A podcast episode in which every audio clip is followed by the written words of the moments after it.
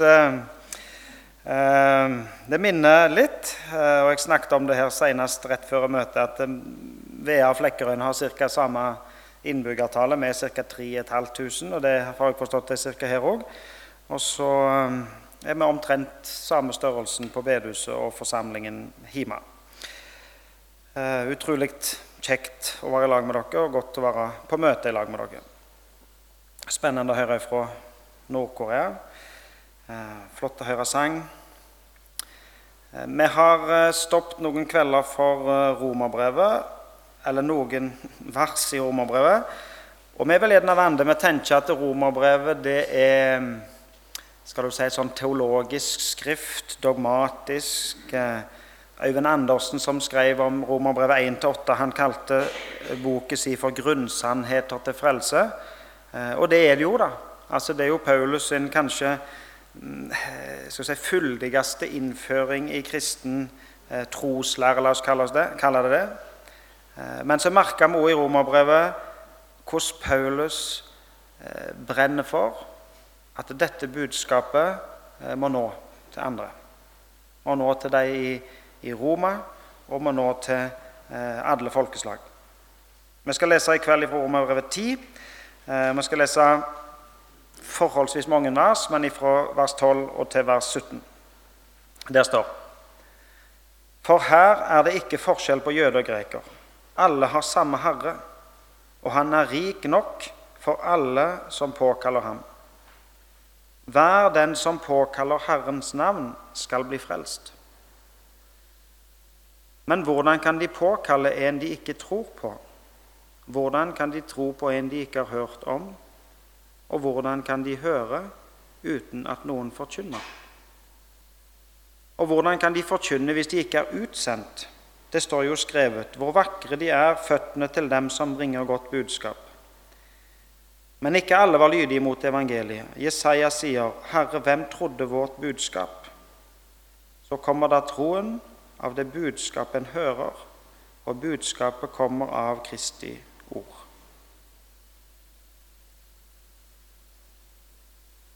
Vi leser i, i kapittel 9 i Romerbrevet om eh, hvor store sorg Paulus har for sitt eget folk. Han sier at han bærer på en sorg i sitt hjerte for sine egne, for sine søsken, eh, for det folket som han er eh, en del av. For israelsfolket, for Guds folk, om det folket som Gud har handla med i historien, de som mottok løftene, de som eh, hadde tempelet. Gud sier jo om seg sjøl at han er Israels Gud. Gud sier uttrykkelig at han er Abraham, Isak og Jakobs Gud.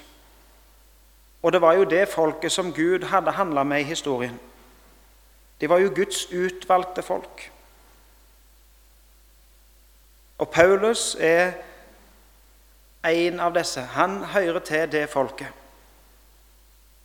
Og så sier Paulus noe radikalt nytt her i Romerbrevet 10.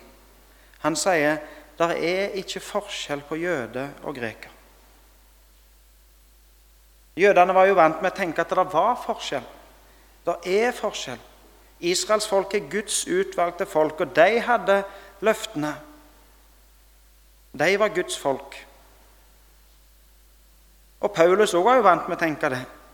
Og Paulus eh, hadde jo levd som en skal du si, iherdige israelitt. Og, ja. og så kommer nå Paulus med et budskap og sier det er ikke forskjell på jøde og greker. Det er jo klart det er forskjell på jøde og greker. Det er jo klart det er forskjell på historien til israelsfolket og historien til grekerne eller hedningefolket. Men så vil Paulus ha fram det at det, på dette området på dette området er det ikke forskjell på jøde og greker. Altså i forholdet til Gud så er Gud den samme. Det er ikke én Gud som er jødene sin Gud, og en annen Gud som er grekerne sin Gud.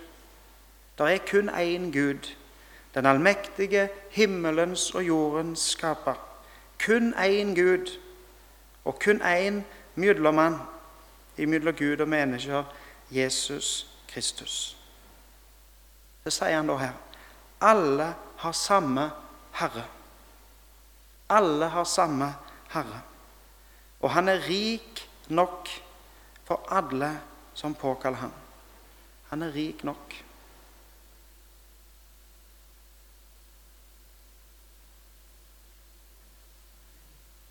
Hver den som påkaller Herrens navn, skal bli frelst. Kan det sies enklere?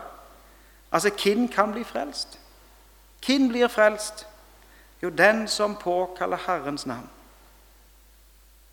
Det er Guds ord til oss i dag. Guds ord til deg.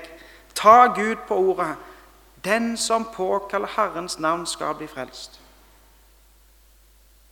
Og så er Guds eget ord fullt opp av mange sånne ord som sier Den som tror på Han, den som tar imot Han, den som påkaller Hans navn.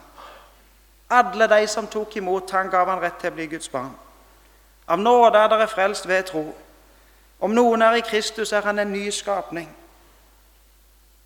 Så elsker Gud verden at han gav sin egen sønn, for at hver den som tror på han, ikke skal gå fortapt, men ha evig liv. Hver den som tror. Alle som tok imot. Hver den som påkaller Herrens navn, skal bli frelst. Så enkelt.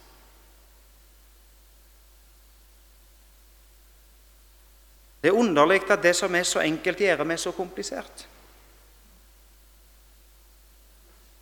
Vi skal jo mene noe om det ene og det andre. Og, og, og, og jeg er for så vidt enig. altså Livet er jo komplisert. Livet er ikke, livet er ikke så enkelt at du, kan, at du kan oppsummere det i én setning og si det er kun det det handler om. Og så er det jo faktisk så at Bibelen gir oss svar og veiledning på mange områder. Og Historien viser oss at eh, ærlige bibellesere og kristne er til og med uenige om hva Bibelen vil si på mange forskjellige områder. Om det ene og det andre, for å si det sånn. Men vi må passe oss for å gjøre det som er enkelt, komplisert. La det som er enkelt, få lov å være enkelt. Les ordet til deg. Hver den som påkaller Herrens navn, skal bli frelst. Ta det som det står. Tru det som det står. Ta imot det sånn som Gud sier til deg. Du som tror på Han, du som påkaller Han. Hver den som påkaller Herrens navn, skal bli frelst. Tenk om vi kunne fått lov å tatt imot det så enkelt som det står. Og fått lov til å leve i det, hvile i det, tro på det, holde fast og være trygge i det som Gud sier til oss om at hver den som påkaller Herrens navn, skal bli frelst.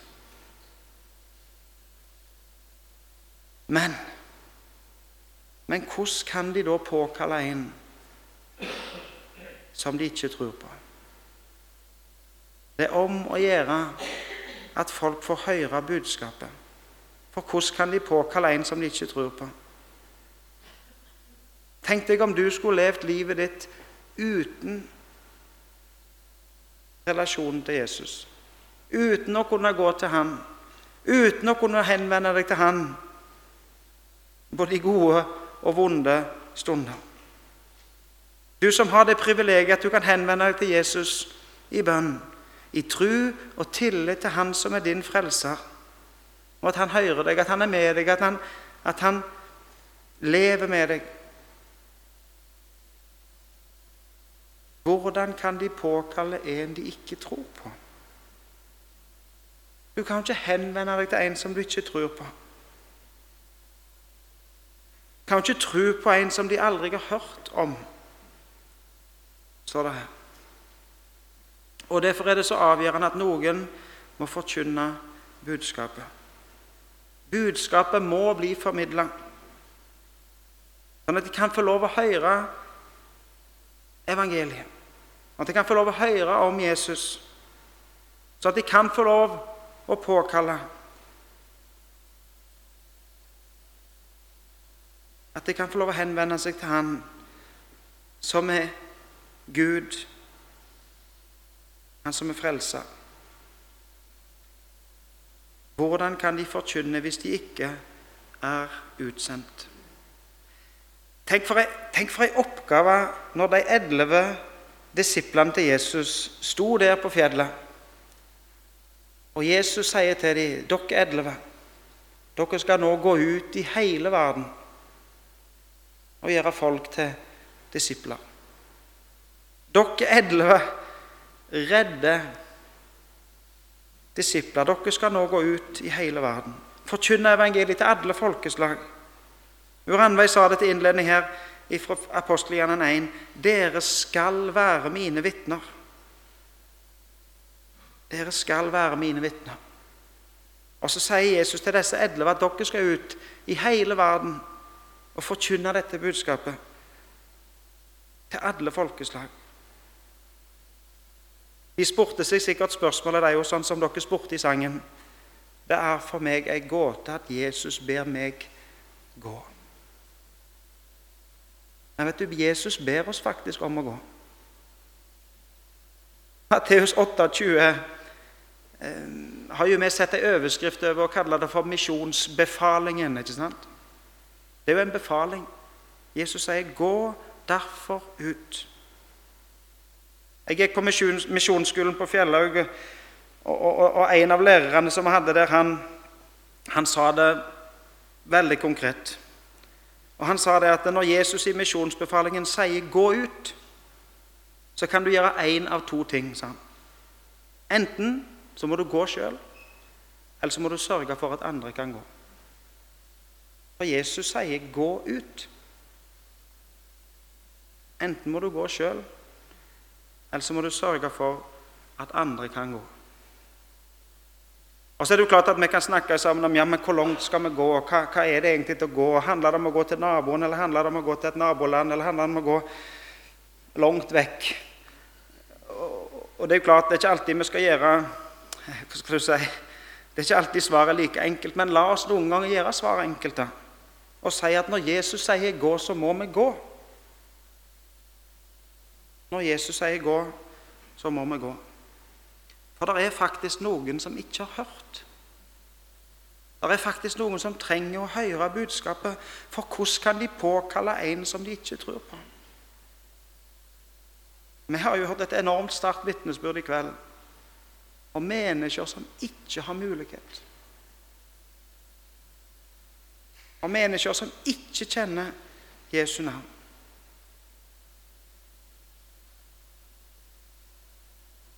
Han på bildet her han heter Charles Yona Sobe. Han uh, bor i Tanzania. Jeg har fått lov å jobbe i lag med han i mange år. Uh, han har en fantastisk historie. Fantastisk er ikke helt rett ord, men han har i hvert fall en forunderlig historie. Han er oppvoksen i en muslimsk familie. Uh, når han var ferdig med ungdomsskolen, så skulle han søke seg videre på skole. Og i Tanzania, og iallfall på hans eh, Når han skulle søke seg på skole, så, måtte, så, gikk det ikke an å gå på Google og finne ut hva skole han skulle gå på. Da måtte han oppsøke skolen sjøl. Så han forteller det at eh, når han var ferdig med, med ungdomsskolen og skulle videre eh, for å få seg en utdannelse, eh, så måtte han ut og rett og slett spasere rundt og finne skoler. Og En dag han skulle ut for å lete etter et skoletilbud og skulle besøke en, en videregående skole, så gikk han til fots. Eh, og han bodde i en landsby litt utenfor byen, eh, og det var ikke så mange biler langs den veien. Men han gikk til fots, og så kom der en bil. Og Han stoppet bilen og spurte om han kunne få lov å sitte på, for han så jo at det, altså når bilen kjørte den retningen, så skulle de jo samme vei. Og Så fikk han lov å sitte på med den bilen. Men han visste jo ikke det at den bilen som han hadde stoppet, det var kirka sin bil. Og Han som kjørte bilen, han var biskop i den lutherske kirka. Eh, og han, det var den første biskopen i Mara bispedømme. Eh, det kan hende noen av dere har hørt om at det var minnemøte i, i, eh, inne i Kristiansand, i Misjonshuset, heter det vel, eh, for en som heter Jotam Girgis, og en som heter Bartolomeo. Og han, som, han Bartolomeo var denne biskopen som møtte Sobe eh, på veien. Det var den første biskopen i Mara eh, bispedømme. Uansett Eh, biskopen var utrolig interessert og møtte denne unge gutten og spurte hva han het, hvor han kom ifra, hva han gjorde på, hva han var ute på, hva han trodde på, osv. Og, så og, og så fikk de en, en, god samtale der i bilen, Sobe og biskopen. Og I samtalen så sier biskopen at du, du skal gå på bibelskolen på Kebakari. Og Han vågte jo ikke, vågte ikke si nei til biskopen. Da kunne jeg jo sikkert blitt hevet ut av bilen, så han måtte gå videre sjøl. Så han uh, sa for så vidt ingenting, men, men han nekta ikke heller på å gå på bibelskolen på Kiabakari. Men han kom fram til byen og hoppet ut og tenkte at nå var han ferdig med det. Men biskopen han gav seg ikke så lett, så han oppsøkte Sobe hjemme, for han hadde jo fått høre hvor han kom ifra. Eh, og så kom han når, han når, det var på tide å begynne å, å pakke kofferten og komme seg til bibelskolen. Og så sa han at eh, 'jeg kommer denne den dagen, og da er du klar, så kjører vi'. Og så ble det så, da, at biskopen møtte opp med bilen sin og, og tok han om bord og kjørte han til bibelskolen på Kiabakari. Og han avleverte studenten og sa dette han her han skal nå gå på bibelskolen. Han var jo ingen kristen. Han eh, var ikke døpt. Han hadde ingen kunnskap og kjennskap til kristendom. Men så gikk han på bibelskolen Eh, og første, eh, den, det første semesteret så fikk han høre budskapet. Og så hadde han jevnlig kontakt med biskopen, som stoppet hver gang han kjørte forbi. Og før han skulle hjem på ferie til første semesteret, så var det dåp på bibelskolen. Biskopen sjøl forretta dåpen, og Charles Jona Sobe ble døpt. Så fullførte han bibelskolen, studerte teologi. Han ble prest, og han ble eh, rektor på bibelskolen der som han sjøl eh, hadde møtt Jesus. Så fikk jeg lov å jobbe i lag med Sobe i mange år eh, på bibelskolen der i Kirbakari. Bibelen er bygd opp av midler fra Norge på midten av 90-tallet. Første kull, eh, som første inntak var i 1997. Eh, og etter det så har bibelskolen hatt sånn 15-20-25 elever litt sånn opp og ned hvert år. Det er for så vidt en del av en del av Tanzania Skal jeg si det, da? Den lutherske kirke i Tanzania er stor. Mange millioner medlemmer. Men bispedømmet i, Mara i Mara fylke et av de svakere bispedømmene. Eh, det er likevel omtrent 100 menigheter rundt forbi fylket. Eh, og, og, hver av disse menighetene skal egentlig ha sin eh, menighetsleder, eller evangelist, de, blir de utdannet som og skal være evangelister i, i de lokale menighetene. Og så er det et ønske at alle evangelister skal kunne gå og fullføre tre år på bibelskolen på Kiabakari. Jeg kan tenke meg det er kanskje 15, maks 20, som har fullført eh, et treårig løp eh, av, av, de 100 eh, skal du si, som, som, virker som evangelister i menighetene i, i dette fylket.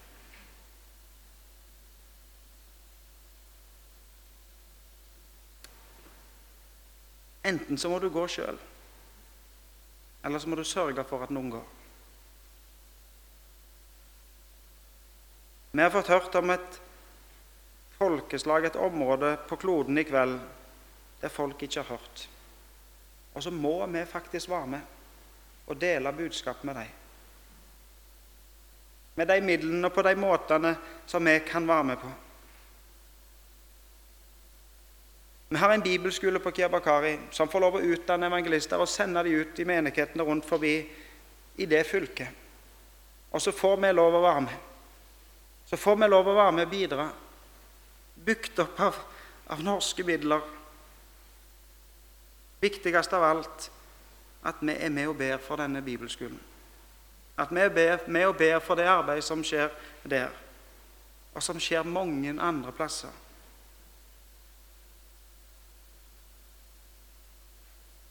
Jesus ber oss faktisk om å ta evangeliet videre ut til alle folkeslag. Og Da kan ikke vi sitte her og si at dette handler bare om Flekkerøy. For det handler ikke bare om Flekkerøy. Det handler om alle folkeslag.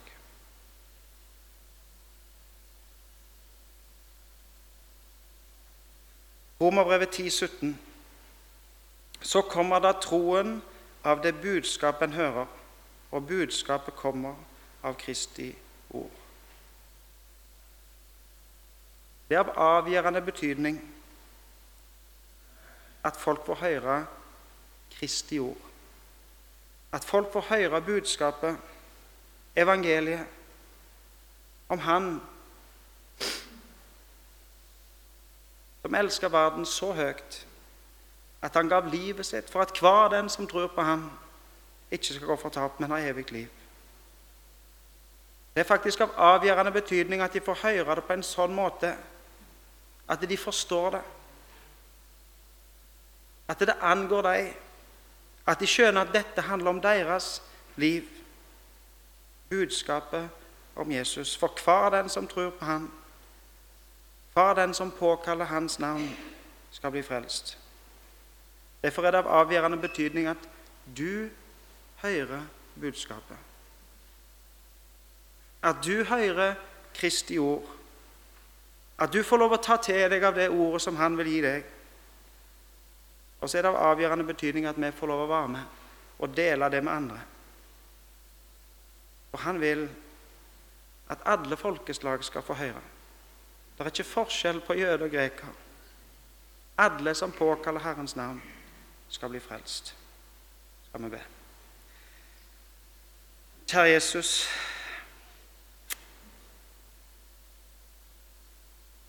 Takk for at du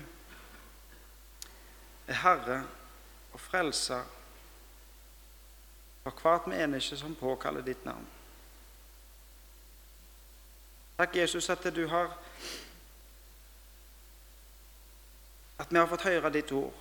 At vi har fått lov å bli kjent med deg. At vi har fått lov å ta imot deg, påkalle ditt navn.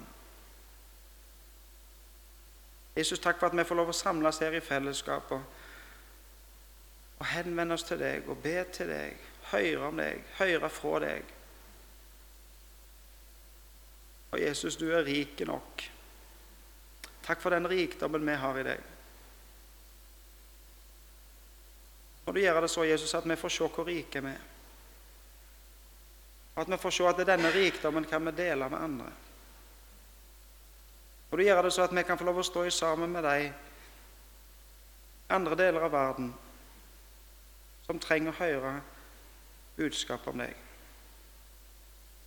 Jeg vil be deg for Sobe, for bibelskolen på Kiabakari, for elevene som går der nå, for Margunn og Gertore, som er våre utsendinger til Kiabakari. Må du være med dem, må du velsigne dem. Og den delen av Guds rikes arbeid som de står i. Jeg ber meg om i ditt navn.